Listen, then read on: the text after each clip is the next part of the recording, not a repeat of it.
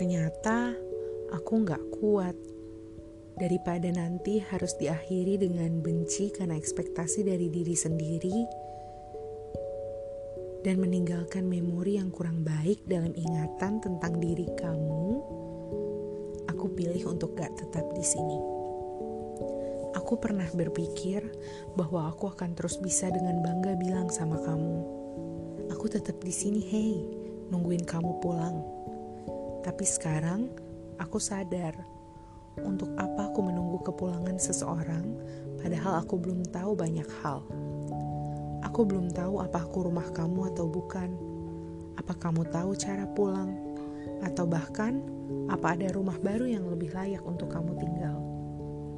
Bukan seperti ceritaku sebelumnya, saat aku pulih karena dibantu orang lain, kini aku bisa dengan bangga bilang sama semua orang, aku pulih sendirian karena diriku sendiri.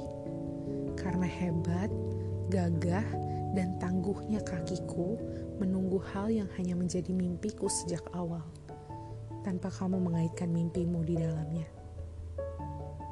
Bukan salahmu, bukan. Ini salahku karena berekspektasi pada cinta yang seharusnya telah kupelajari dan seharusnya aku telah menjadi mahir. Ternyata aku tidak semahir itu. Kamu terlihat terlalu menjanjikan. Bukan salahmu, bukan. Ini salahku karena untuk pertama kalinya kugantungkan bahagiaku pada insan yang masih manusia dan masih memungkinkan untuk membuat kesalahan dan mengecewakan. Sama sepertiku. Bukan salahmu, bukan. Ini semua salahku karena terlalu mengambil alih semestamu menggenggam kuat jemarimu, bahkan menjauhkanmu dari duniamu hanya karena aku takut kamu hilang. Dan ternyata sekarang kamu hilang. Kamu benar-benar hilang.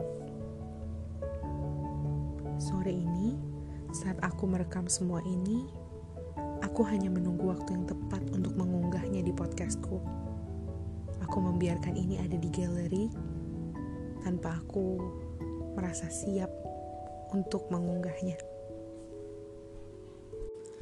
Aku hanya menunggu waktu di saat aku terjatuh dan aku tidak lagi heran mengapa aku tidak berdarah. Bahkan mungkin waktu di mana aku akan terkagum-kagum pada diri sendiri karena tidak lagi merasa sakit.